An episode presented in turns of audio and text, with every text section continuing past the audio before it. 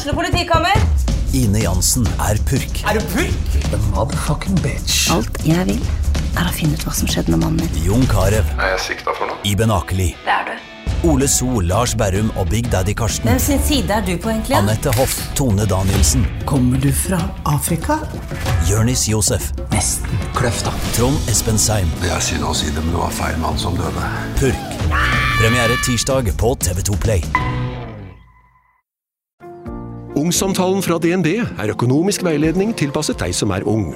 Bokk en ungsamtale på dnb.no. slash ung. Det er kjempebra hvis du skal inn på boligmarkedet, hvis det er drømmen din, liksom. Det er det du skulle sagt. Og så kunne du ropt litt mer, da, sånn som jeg gjorde. Bam! Åh,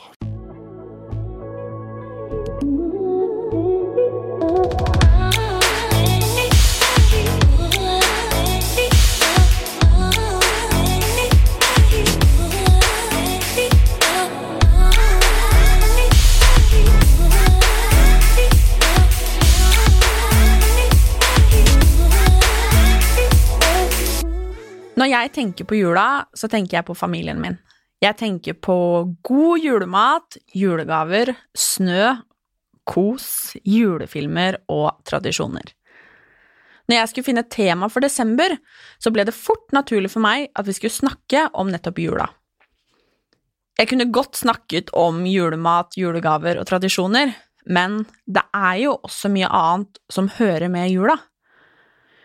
Jula kan jo være eh, veldig mye, og hver og en av oss har jo vårt egne forhold til nettopp jula.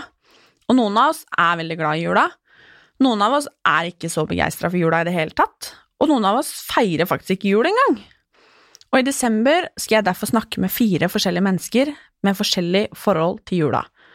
Og jeg er ganske sikker på at du på en eller annen måte kan kjenne deg igjen i alt det vi skal prate om. For jula kan være en sår og vond tid. For selv om jula er en tid der mange av oss tenker på samhold, glede og kjærlighet, så er det også en tid for å minnes, der følelser blusser opp, og der vi kanskje har litt ekstra tid til å tenke. For seks år siden så gifta Tina seg, og to måneder senere så skilte hun seg. Og tre år etter det så døde pappaen til barna hennes. Og jeg lurer på hvordan det er å feire jul etter å ha skilt seg, og etter å ha mista noen. Hvordan er det egentlig å være alenemamma i en sånn situasjon? Og hvordan i alle dager kan man egentlig håndtere sorgen? Velkommen, Tina. Takk, takk. Tusen hjertelig takk. Så hyggelig at du vil komme hit til meg. Ja, det var veldig koselig at jeg fikk komme. En liten sånn eh, desemberprat. Ja, veldig hyggelig. Det er hyggelig, det. Ja. Først så lurer jeg på hvordan du har det. Eh, Jeg har det fint. Jeg har et hektisk, eh, men veldig fint, eh, innholdsrikt liv. Eh, Livet går fort, og jeg løper litt etter, men, men jeg liker det sånn. Og sånn er det når man er alene med tre barn. Så er det litt å henge Det er ikke bare Nei, bare. det er ikke kjedelig. Det kan jeg tenke meg. Nei. Hvordan forhold har du til jula sånn generelt, egentlig? Jeg er veldig glad i jula, jeg. Jeg er nok ikke den mest julete av alle. Jeg er den som blir litt irritert eh, når juletingene kommer litt for tidlig. Gjør du det? Ja, fordi at jeg er glad i høsten. Ja. Ja, så eh, jeg syns at høsten med, eh, med, med oransje blader og, og sånt litt mørkt og sånn må få være litt lenger, da. Jeg vet at det, det er mange som syns det er helt grusomt, men jeg er heldig som ikke blir deppa på høsten. Så jeg syns jula kommer litt tidlig. Mm. Fordi jeg er redd man bruker opp litt av den gode julefølelsen. Jeg klarer ikke å holde på den julefølelsen i to måneder, da. Så hvis den kommer for tidlig, så er jeg redd jeg blir lei når uh, Så jeg syns du kunne venta til desember, men det er en, diskusjon. Jeg gidder ikke å ta den. Det er som det er. Uh, så jeg bruker nevneverdig lite energi på det, men uh, jo, jeg er veldig glad i jula. Jeg liker den følelsen av tradisjoner og velkjente lukter både på mat og trær og eh, spenninga, særlig når man har barn, så endres det litt, syns jeg, da, fordi at da lever man litt jula gjennom barna.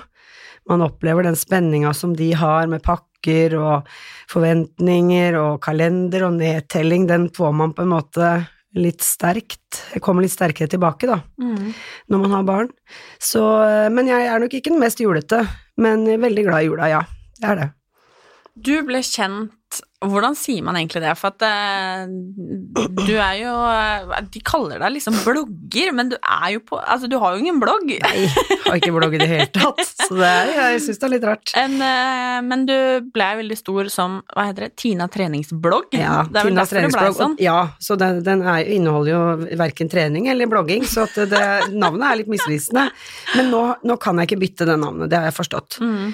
Hadde jeg visst det jeg veit i dag, så hadde jeg nok kalt det noe annet. Men det er veldig tilfeldig hvordan det blei til, og, eh, og da får bare navnet bare være med. Jeg tror de som følger meg, vet at eh, Jeg Mm. har fått én melding som det sto eh, Nå har jeg leita gjennom hele denne bloggen, jeg finner ikke et eneste treningstips.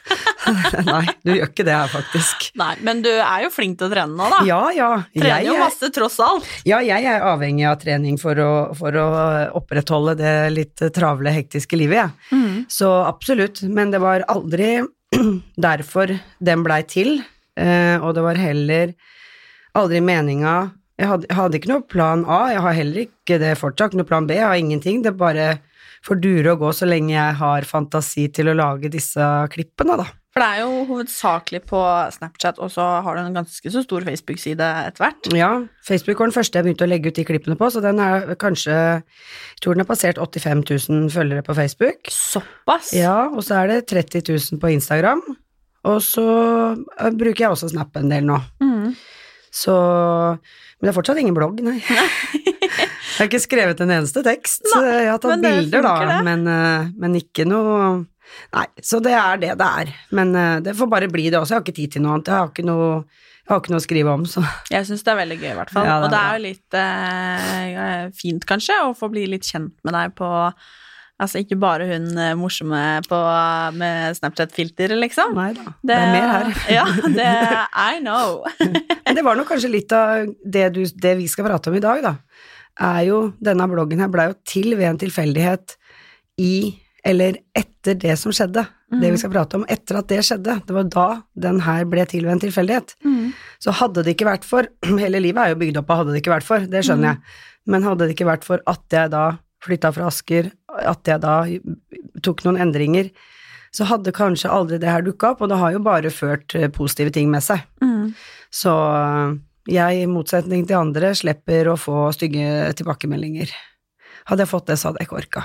Så all ære til deg og dere andre som øh, Ja. Står i det. det, er en det er en annen diskusjon, det kan vi ta en annen gang, men Ja. øh, det hadde ikke jeg. Men jeg harselerer jo ikke med noen andre enn meg sjøl, sånn at jeg får jo heller ikke noe pepper for det jeg gjør og sier, da. Mm. Men eh, du har jo stått i ganske mye, du også, Ja da, tross det har jeg. Ja. Du, eh, selv om du ikke har stått i akkurat det, så Mm. er du en eh, dame med bein i nesa, og du eh, har måttet brette opp armene ganske mange ganger. Ja da, jeg har litt bagasje, altså. Jeg har det. Selv om den har blitt konsentrert til de siste årene. Eh, fram til i bryllup og skilsmisse så gikk alt egentlig på skinner. Mot, ja, bortsett fra at vi sleit litt med å få barn, da. Så det måtte vi få litt hjelp til. Ellers så har ikke livet mitt, vært eh, noe trøblete før. Eh, det var først da, etter eh, et samlivsbrudd, at ting begynte å Ja, eller at det endra seg, da. For du eh, møtte din hva, hva, hva kaller man han? Eh, nå- er det vel avdøde eksmann, ja. Ja, Mm. ja, ikke sant. Eh, når, hvordan møttes dere? Eller når møttes dere? Vi møttes uh, 2001, tror jeg, ute på byen, og blei for fort eh, kjærester. Eh, og så var vi kjærester i mange år før vi fikk barn, da. Litt fordi vi brukte litt tid på det òg. og så flytta vi ut i Asker, eh, og hadde, fikk da til slutt tre barn. Ganske tett, da, for to av dem er tvillinger. Oh, ja, Ja. Så jeg har tre, tre stykker, da. Eh, og så var, eh, var ting greit, og jeg var heller ikke Jeg er heller ikke noe sånn veldig sånn gift... eh, Jeg kaller det giftet og julete, jeg veit at det er dårlig grammatikk, men det, det er nå det jeg kaller det. Mm. Men etter å ha fått så mange barn sammen, så tenkte jeg nei, vi gifter oss. Da får vi samme etternavn og det er liksom litt sånn praktisk. Um, så vi gifta oss i mai eh, 2013, og så skjedde det noe da eh, som jeg ikke trenger ikke å utdype det noe særlig nå, men det skjedde noe da som gjorde at eh, i juli samme år, altså to måneder etter, eh, så valgte han å gå fra meg. Og da tenkte jeg bare what the fuck? Har ikke vi akkurat gifta oss? Mm. så det var jo min første Mitt første slag i fleisen som jeg fikk da. Hvordan tar man Altså, nå hadde dere vært sammen i veldig mange år, Mm. men hvor, altså, hvordan ble det mottatt? Altså sånn rundt og deg? Altså, man skal jo liksom nettopp gifta seg, og man skal leve resten av livet Ja, sammen. vi hadde jo ikke rukket å ha Altså, festen engang, så det er sagt, for den skulle vi ha litt seinere på vår... Ja. på høsten. Men eh, nei, det var veldig sprøtt, og da gikk Nei, jeg, jeg har ganske god syke, så jeg faller ikke i noe sånn depresjon, men eh, jeg blei jo litt forfjamsa og litt eh, Eller jeg tror jeg fikk hele spekteret. Forbanna, sint, lei meg, overraska. Hva skjedde? Eh, hva har jeg gjort galt? Vi hadde det så fint, vi har jo akkurat gifta oss. Eh, hvorfor sa du ikke fra? jeg følte at det var urettferdig, at jeg ikke hadde fått muligheten til å endre, endre opp i dette her, da. Eller rydde opp hvis det var noe. Menn er jo ikke alltid så gode til å prate om sånne ting, dessverre, så jeg fikk ikke noe sånn veldig klart svar, men så dukker det jo da etter hvert opp en eh, tredjeperson, og Men i, den, i samlivsbruddet, så selv om det er litt dårlig stemning, for det var det, mm. det er ljug å si noe annet, men uh, så klarer i hvert fall jeg og Morten, da, som han het, um, å samarbeide bra med barna, og det var jo det viktigste.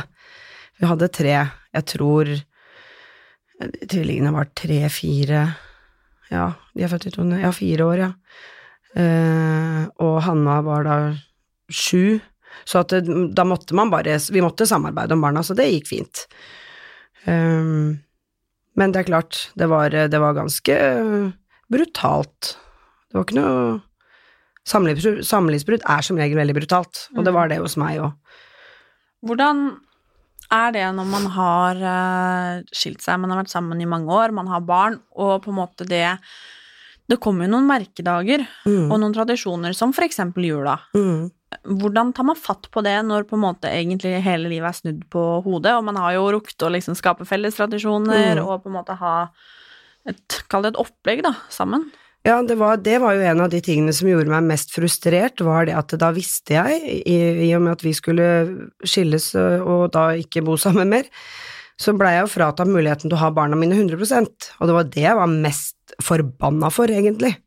Fordi det syns jeg var helt Jeg kunne ikke skjønne åssen jeg skulle klare det. Eh, men eh, så venner man seg jo etter hvert til det òg, for det de første eh, helgene, da, eller ukedager også for så vidt, men helgene som barna var borte, eller var hos pappaen, så sleit jeg. Da tenkte jeg bare dette her er helt jævlig, rett og slett. Men så er jeg ganske flink til å komme meg fort opp, så jeg tenkte ok, sånn har det nå en gang blitt, nå kan du velge. Skal du sitte og surmule de dagene, eller skal du bare tenke ok, jeg får dem igjen på den og den dagen, så bruk helga til å eh, dra med venner, da, eller dra ut på byen, eller trene, eller gjør noe som hvert fall så du kan lade litt energi til eh, barna kommer tilbake. Eh, og det, det er et godt tips det jeg kommer nå, fordi når man er uten barn, så Eller barna er veldig lojale mot begge foreldre, sånn at man må aldri si til barna sine at når dere er hos pappa, så da har jeg det, da har jeg det veldig vondt, da savner jeg dere veldig. For hvis begge foreldra sier det, så har barna konstant dårlig samvittighet. Da sitter de og tenker når de er hos pappaen, nå er mamma aleine, nå har hun det vondt, og vice versa. Så det jeg gjorde, jeg jugde til meg noen ganger og sa at eh, nei, jeg har vært sammen med tante Marianne i hele helga, og så hadde jeg kanskje ikke det. Men Da, ville jeg, da lot jeg som, jeg lata som, at um, Se her, det går fint med mamma når dere er borte, selv om jeg i starten syntes det var jævlig. Så det er et veldig man, man, man tror man gjør Man tror egentlig man gjør noe godt for barna ved å si det. Ja, de skal vite at vi savner de, men det bare, du bare påfører de en hel haug med dårlig samvittighet ved å si at eh, det er ikke dems skyld at de må være 50% her og 50% der. Så ved å bare snu litt på den og si at uh, det går kjempefint med meg, og jeg gleder, jeg kan heller, man kan heller si jeg gleder meg til å se dere igjen, eller når de kommer tilbake, så deilig å ha dere her igjen, men aldri si det at uh, jeg har det så fælt jeg, når dere er borte, for da går jo de med en sånn vond klump i magen hele tida. Så det var et godt tips. Det Ja, men det er veldig viktig, faktisk, fordi når jeg skjønte den, så tenkte jeg bare herregud, jeg kan ikke, jeg kan ikke belaste de tre små der med det. De er ikke ansvarlig for meg, eh, og hva jeg gjør og hvordan jeg har det. Så, um, men det er klart at det, det med jula kom jo da, visste, var jo en av de tingene jeg visste kom til å komme opp. Jeg visste jo det at jeg Han var jo grei og lot meg få ha første jula, da, med de. Eh, Men jeg visste jo det at det ville komme høytider og neste jul som det ikke skulle være hos meg. Og da ble jula litt sånn spesiell. Mm. Men eh, jeg fikk da ha de den første jula etter vi skilte oss, eh, og den Det kan godt hende det er litt, for, litt vanskelig for meg å si, for det var eh, Jeg levde litt i en sånn boble en stund etterpå, men jeg kan ikke huske at det var noe ikke huske at barna Da hadde vi jo vært gjennom tvillingene sin bursdag også, uten pappaen, på en måte, men det ble nesten verre seinere når han døde. Det kom litt etterpå, men Ja. han var nå i hvert fall i levende live, og vi samarbeida greit, så eh, det var på en måte ikke helt uten pappaen da. Mm. Skjønte vi jo når vi da seinere opplevde å bli helt uten han. Eh, så jeg kan huske første jula etter skilsmissen som noe veldig, veldig spesiell, men det kan hende fordi jeg ikke husker, altså, rett og slett. Det er ganske heftig, det der å Det er jo litt sånn skilsmisse og brudd og sånne ting. Man Det er jo den derre sorgen man ikke bringer blomster til, liksom. Mm. Og du mister jo noen. Mm. Du blir jo fra, fratatt på en måte Altså Partneren din, liksom. ja. Altså, det er jo kjempebrutalt, og det Mm. er jo Ja, igjen, livet blir jo snudd på hodet. Mm. Og når det er barn oppi dette også som skal deles, eh, det er jo grusomt uttrykk det, men det er jo det de skal. De skal jo deles mellom to foreldre som ikke lenger bor i sammen.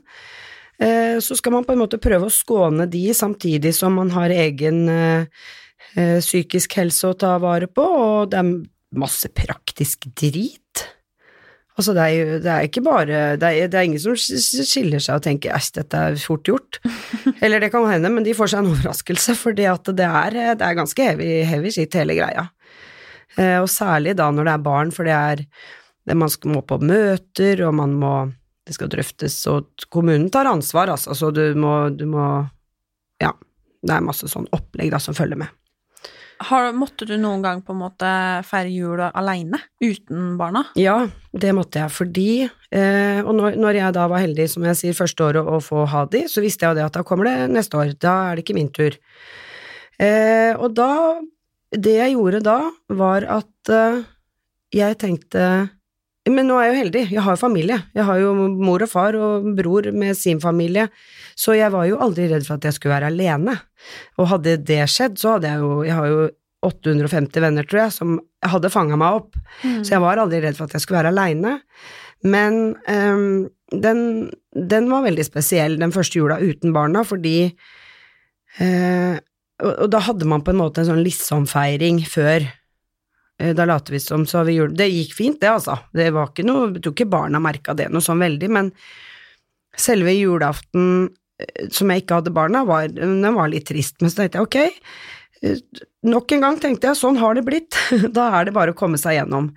Og så har jeg jo en, veldig fin familie, og det som var hyggelig da, var at min, mine to nieser eh, opplevde jo da å få tanta si litt sånn på, på, eg- på tomannshånd. Vanligvis så ville det vært fem barn på den feiringa, nå var det bare to.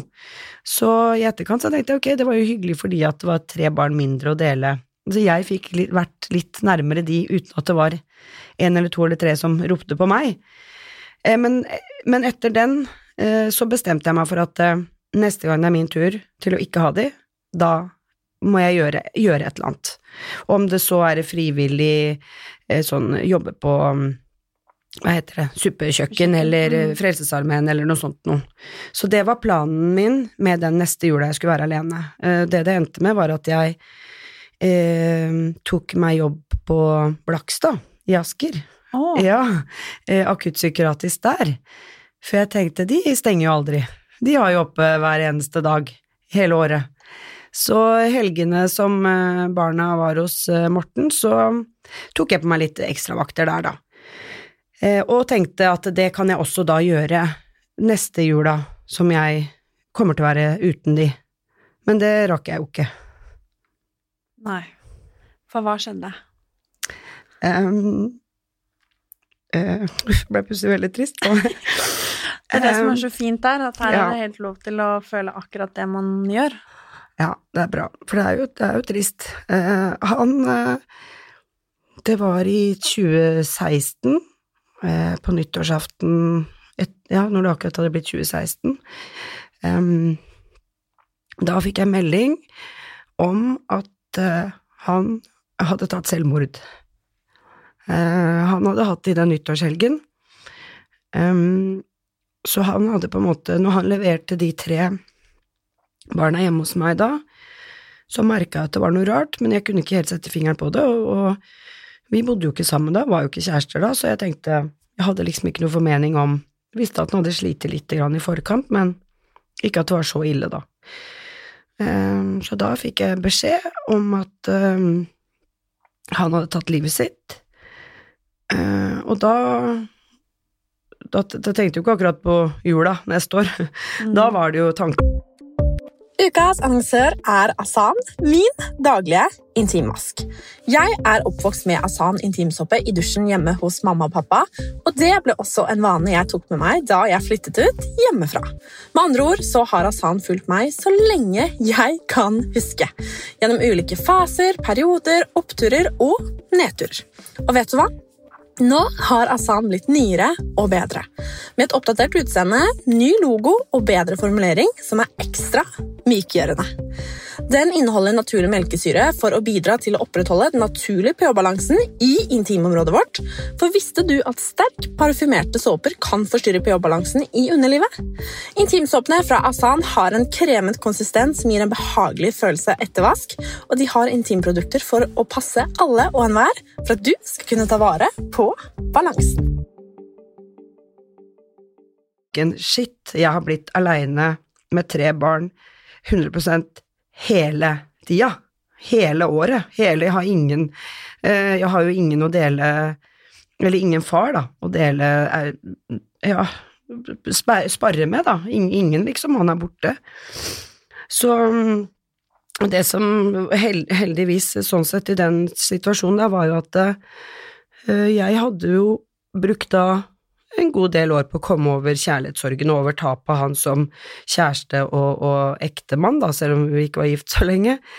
Um, men da Så min sorg Jeg syntes det var helt grusomt at han var død, men jeg slapp min egen kjærlighetssorg, da. Den var jeg, hadde på en måte kommet, kommet, uh, i, i, kommet litt over. Men da var det jo barna sin store sorg. Um, da var det jo den som jeg kjente på veldig. Det var jeg som måtte fortelle dem det, det var jeg som Jeg var veldig ærlig, jeg fortalte hvordan han hadde gjort det. De lurte på hvorfor gjør man det. Jeg tenkte shit, uh, her trenger jeg hjelp til å finne ut hva, hva skal jeg si. De var jo uh, Tvillingene var seks, og min eldste var um, ti. Så hvordan i alle dager gir man en sånn beskjed? Ja. Jeg, når, den dagen jeg skulle fortelle de eh, at han var død, så eh, kjøpte jeg meg litt tid og sa at eh, da visste vi ikke hva han hadde dødd av, sa jeg. For jeg tenkte det er to altfor tunge beskjeder å få samtidig. Uh, og de var så i sjokk, så de hadde nok ikke ensa dødsårsaken allikevel, tror jeg. Uh, men jeg valgte å fortelle at han var død, og at vi skulle få vite senere av sykehuset, sa jeg. Måtte bare finne på noe. Eh, og det, ja, det, var, det, var, veldig, det var helt eh, Jeg gikk i en slags Eller jeg ble kjempesjuk, jeg fikk jo alt av infeksjoner, sånn at jeg klarte jo så vidt å, å få, i, få i både meg og barna mat. Men jeg hadde jo veldig godt nettverk som, som hjalp meg, og eh, fikk til slutt forklart de med litt eh, barnlige ord, da, om det med psykisk helse, at eh, eh, det var ingenting vi kunne gjort eller sagt for å forhindre det. Eh, Jeg har vært veldig, veldig Jeg har vært brutalt ærlig med de, og det eh, Tips nummer to Selv hvor ille ting er, så mm, lønner det seg å være ærlig med barna, fordi de finner det ut. Og hvis da jeg, som nå var den eneste forelderen de hadde igjen, hvis de ikke skulle kunne stole 100% på meg, så ville vi få problemer. Så selv om jeg skulle gjerne ønske at jeg kunne ljuge og si dødsårsaken var en annen, så ville jo det bare slå tilbake på meg sjøl seinere. Så jeg var brutalt ærlig, og det kosta ganske mye. Um, veldig mye. Men um, Nei, så det var, det var egentlig helt, eh, det var helt jævlig, men vi, jeg var raskt oppe igjen der òg og skjønte at det her uh, Hverdagen kommer, uh, og egentlig jo fortere den kommer, jo bedre er det. Uh, For som jeg har sagt flere ganger, at man har lyst til å beskytte barna mot alt og ingenting akkurat i en sånn periode, men det beste er å bare eh, ikke, også ikke fortrenge det. Altså, det var mange tunge stunder, og vi sov i samme seng, og det var, ikke, det var rom for både gråt og hyl og skrik og Men ved å følge barna sitt nei, sorgmønster, som er veldig mye mer sånn inn og ut, så slapp jeg å eh, Jeg hang meg på dem på en måte, da. Eh, sånn at jeg ikke blei sittende og være lei meg når de var glad, for da ville jo de bli lei seg når de så at moren var lei seg. Eh, og når de var lei seg, så kunne jeg da få ut min, eller når jeg var aleine, sånn at jeg skåna de litt for det, da. Men du verden, det var eh, Hun eh, eldste datteren min feira mm, tiårsdagen sin på sorggruppe i Asker, og det var ganske heavy. Ja. Dro på Peppes etterpå, da, men eh, vi hadde organisert en overraskelsesfest ja, der etterpå, men vi måtte innom det, den sorggruppa først, da. Så det var ganske rått og brutalt, hele greia, ja. Hvordan Jeg vet nesten ikke hva jeg skal si engang. For at jeg tenker med meg selv eh, Hva om det hadde vært meg, ikke sant? Hva om eh, Og det er så rått og brutalt. Mm. Og jeg var ti år da jeg mista en jeg var veldig glad i. Mm. Og jeg tenker bare på hvordan jeg på en måte hadde det. Mm. Og så er det litt sånn rart det med du sier dette sorgmønsteret. Og det har jeg tenkt veldig veldig mye på i ettertid. Mm. For jeg kunne i det ene øyeblikket spille fotball Mm. og ha det dødsgøy. Mm. Ikke tenke på noe som Mm. helst. Og så kunne jeg plutselig stå og skrike for at jeg var så sint. Mm. Og det er veldig, veldig, veldig rart. Mm. Men barna også håndterte jo først da at dere hadde gått gjennom en skilsmisse, eller et samlivsbrudd, og så måtte de håndtere, på ganske kort tid, at Mm. pappa var død. Mm. Hvordan, hvordan, hvordan håndterte de dette her? Nei, det som var greia, var at øh, ved, det er like ille å miste en, øh, en øh, familiemedlem eller en man er glad i, av en annen type sykdom, men da har man som regel fått et lite forvarsel, da. Man er litt grann forberedt. Eh, om det så er kreft eller øh, Ja, mange, ved, med mange øh, dødsfall da, så har man fått et lite forvarsel som man kan forbedre Nei, for, forbedre seg Forberede seg litt, eh, på godt og vondt. Mens ved eh, selvmord, og dette her var en veldig mm, oppegående kar, som aldri på en måte hadde vært noe syk, eh, var aldri borte fra jobb, hadde ikke trøbbel med stoff eller penger, eller altså helt vanlig, høy, kjekk kar, like aktive foreldre som det jeg var. Så når han plutselig, helt uten forvarsel, bare plutselig er død, så får man helt sånn herre eh, Det tok litt tid før de skjønte De skjønte nok hva død var, men de tvillingene på seks skjønte ikke, at det, skjønte ikke i starten at det betydde at de ikke fikk se henne igjen. Så det måtte jeg si mange ganger at eh, For Henrik sa i en eh, Han ene tvillingen sa i en setning at eh, ja, ja, men det er godt han ikke er død. så jeg tenkte jeg, guri meg, du, du har, dette har ikke synket inn. Så det var mange, jeg måtte ikke bare si det én gang, at pappa er død. Jeg måtte si det flere ganger, fordi det var så vanskelig eh, å forstå, da. Eh, og hun på ti eh, har jo skjønte jo mest av det. Eh, konseptet selvmord, da. Selv om eh, man forstår jo ikke det. Selv ikke voksen, forstår, voksne forstår eh, hvordan og hvorfor og åssen og i huleste kan, det, kan man klare det. Men eh, Så vi har hatt en del prat om eh, Jeg fikk etter hvert hjelp av en psykolog, men det rakk jeg ikke før jeg måtte fortelle alt selv, eh, med egne ord, men jeg klarte å, å formidle det eh, ganske bra. Men etter hvert så gikk vi til en sånn barnepsykiater i Asker som fortalte litt om ulike tanker og når det blir for mange av de sorte tankene og litt sånne ting.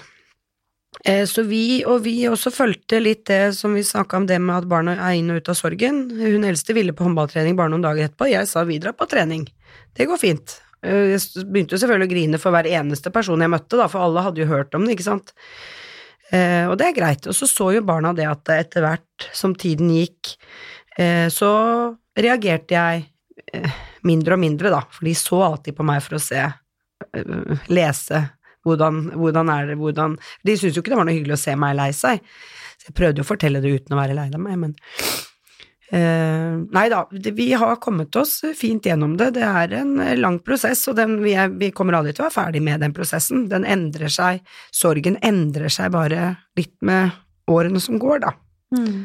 Så, så selv om jeg fortsatt syns det, tydeligvis syns det er veldig leit å prate om, så Men det er jo litt fordi at eh, jeg ser tre små barn som har en ganske tung bagasje, og Men de, de takler det veldig bra. De gjør det. Det er klart at de har jo en supermamma. Ja, de er, De en, de er ganske eh, tøffe, de òg, skjønner du. Ja. Ja. Og det er eh, Ja, jeg blir helt rørt sjæl der jeg sitter. Ja. Og det mm, er ekstremt imponerende Ja. å klare å balansere og sjonglere hverdagen med tre barn og en sånn sorg. Ja. Eh, Ja, tre barn en Én ting er tre barn alene, og en annen ting er tre barn eh, alene i sorg, ja. mm. Den er, eh, den er ganske heavy, men jeg har nå valgt å stole på magefølelsen min på alle eh, alle alle ting jeg har gjort, da. Eh, Alle avgjørelser jeg har tatt. Og jeg ser det i etterkant at eh, ja, jøss, det var riktig det òg, ja. Også, men jeg har jo stått opp i alle sånne vanskelige avgjørelser helt alene, og det er ganske uh, slitsomt. Men så har jeg valgt å stole på meg sjøl og tenke at eh, det er nå jeg som har lagd disse barna, og jeg eh, kjenner de best.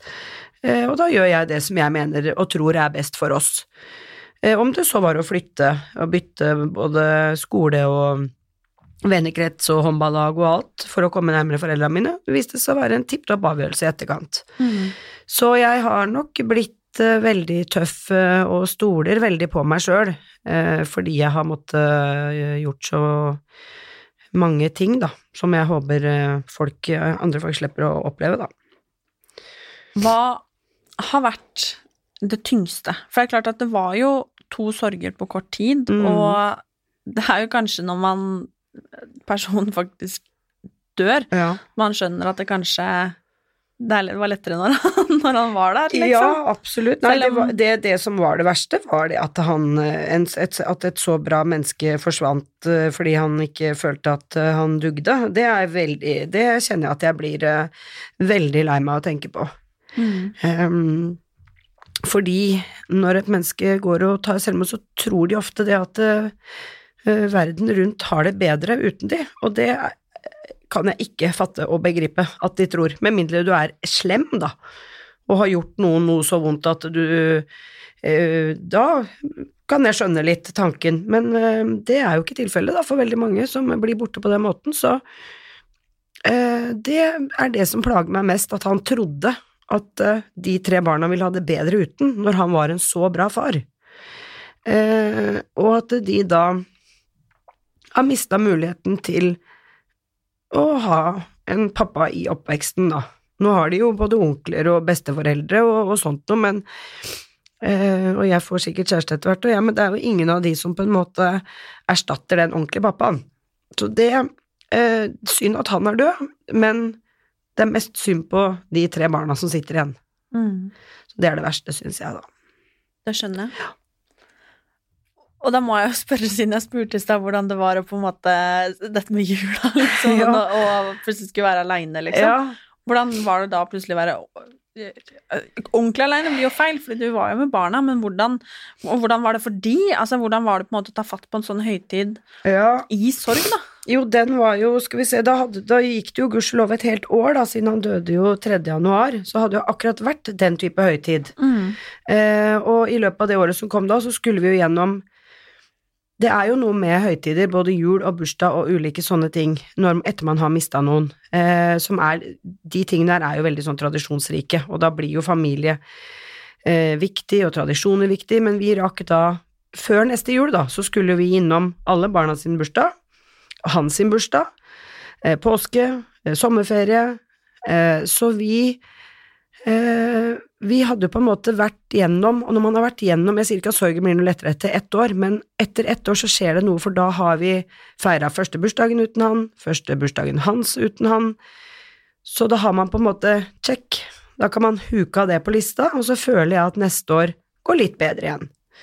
Eh, men jeg eh, så, så, da hadde det jo allerede gått et helt år før neste jul kom, eh, og vi har jo fortsatt en veldig fin familie, så jeg Barna var i hvert fall ikke noe Oppførte seg ikke så veldig mye annerledes, syns jeg. Jeg var nok litt på vakt på å øh, fiske litt etter hvordan syns dere det går, men det som var, har vært litt problem for oss, det er å besøke grava for barna, særlig hun eldste. Og det forstår jeg, fordi det er et veldig fysisk tegn på at uh, pappaen min er død. Så hun sliter veldig, veldig med å gå dit, og da er jeg litt sånn at eh, vet du hva, hvis ikke du har lyst til å dra på grava til pappa i jula, så gjør vi ikke det. Da venter vi, kan vente til påske vi om så, det er ikke så farlig. Fordi jeg ser at det koster henne så mye å dra dit. Um, så fordi hun er redd for på sånne merkedager at hun skal møte familie, eller for hun er sikkert redd for sin egen Eh, reaksjon, da, for det er ganske tøft å være på grava. Men eh, Så jeg er ikke sånn, ikke sånn streng på det at eh, nei, nå er det hans bursdag, nå er det jul, nå må vi dit. Jeg sier vi tar det når du er klar. Og så har ikke det noe å si. Jeg sier han bryr seg ikke noe om det, sier jeg. Han, bryr, han skjønner at ikke du vil, kanskje, eller sier litt sånne ting, da. Men Nei, de, syn, de syns nok første jula etter var rar, men vi vi holdt jo på litt av de, de eh, tradisjonene som vi hadde, og var det noen tradisjoner som ikke betydde så veldig mye, så lagde vi oss noen nye. Mm. Så vi, jeg er ikke sånn at uh, Jeg er veldig åpen for litt alternative ting hvis det passer for oss der og da, da. Har du noen Nå har du kommet med to veldig, veldig gode tips i løpet ja. av episoden. Ja. Men hva er dine beste tips til de som på en måte enten øh, Hvis jeg skal kalle det en generell sorg, da enten mm. må på en måte gå gjennom en skilsmisse eller miste en partner eller en samarbeidspartner, ja, ja, om man skal kalle det det. Altså en pappa til barna, eller om, mm. man mister sin egen Altså noen andre man er glad i, liksom. Hva er dine mm. beste tips for å på en måte komme seg gjennom det, liksom? Nei, det som funka, funka bra for meg og mine, var egentlig å ikke følge så veldig mange råd, egentlig. Jeg, vi, vi, tok det veldig på, på gefühlen, hvordan, hvordan, dagsformen var, og jeg, jeg, tenker bare at jeg er veldig glad jeg ikke bor i et land eller tilhører en, en religion hvor man skal sørge så og så lenge at du må gå i svart, altså at det er regler på det. Kan ikke folk bare få sørge liksom i det tempoet og den, på den måten som man føler selv er best, fordi eh, jeg blir veldig sliten av å være lei meg og trist, og da velger jeg heller og være positiv og glad, for da har jeg det mye bedre med meg sjøl, og sånn, det smitta jo over på barna også.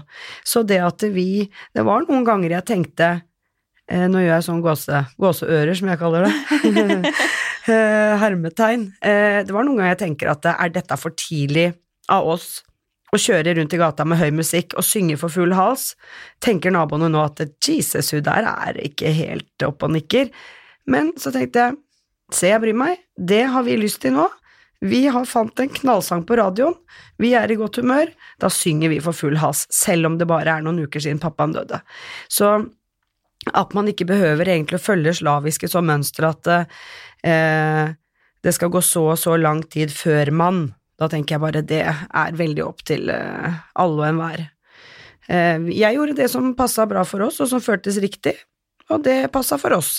Men å ikke dyrke sorgen er vel egentlig Sorgen skal være der, man skal ikke fortrenge den, men man skal heller ikke dyrke det sånn at det blir en stor greie, for da er det vanskelig å komme seg opp, tror jeg, mm. av den dumpa. Jeg beundrer deg veldig. Takk, takk. Jeg må si det. Takk, takk. Og jeg har en enorm altså, respekt for alle alenemødre mm. som står opp hver eneste dag, og som mm. bretter opp arma, og som sender eh, barna sine på hva er det, mm. håndballtreninger mm. og dans Speideren Ja, det er mange. Det er ikke bare jeg som skal ha ros for det, altså det er mange, mange mm. med meg om det.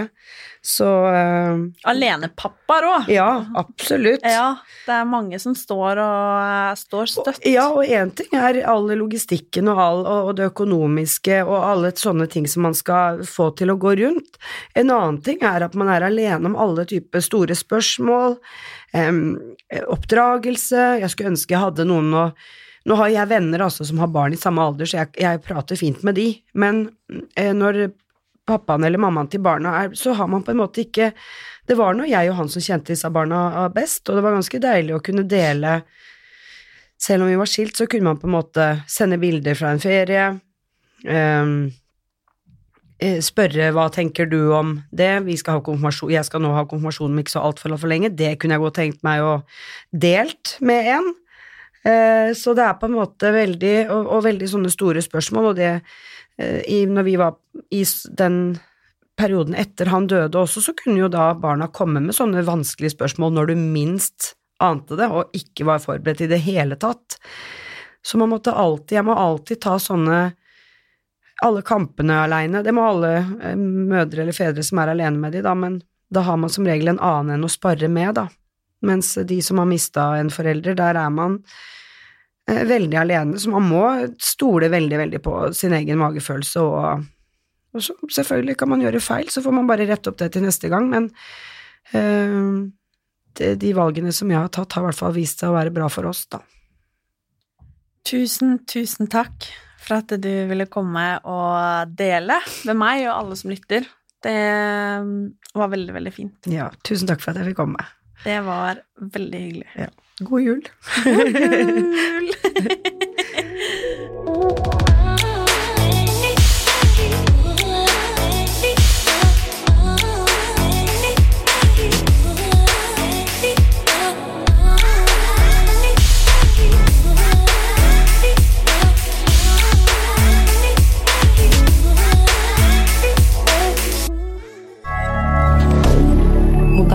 D'accord.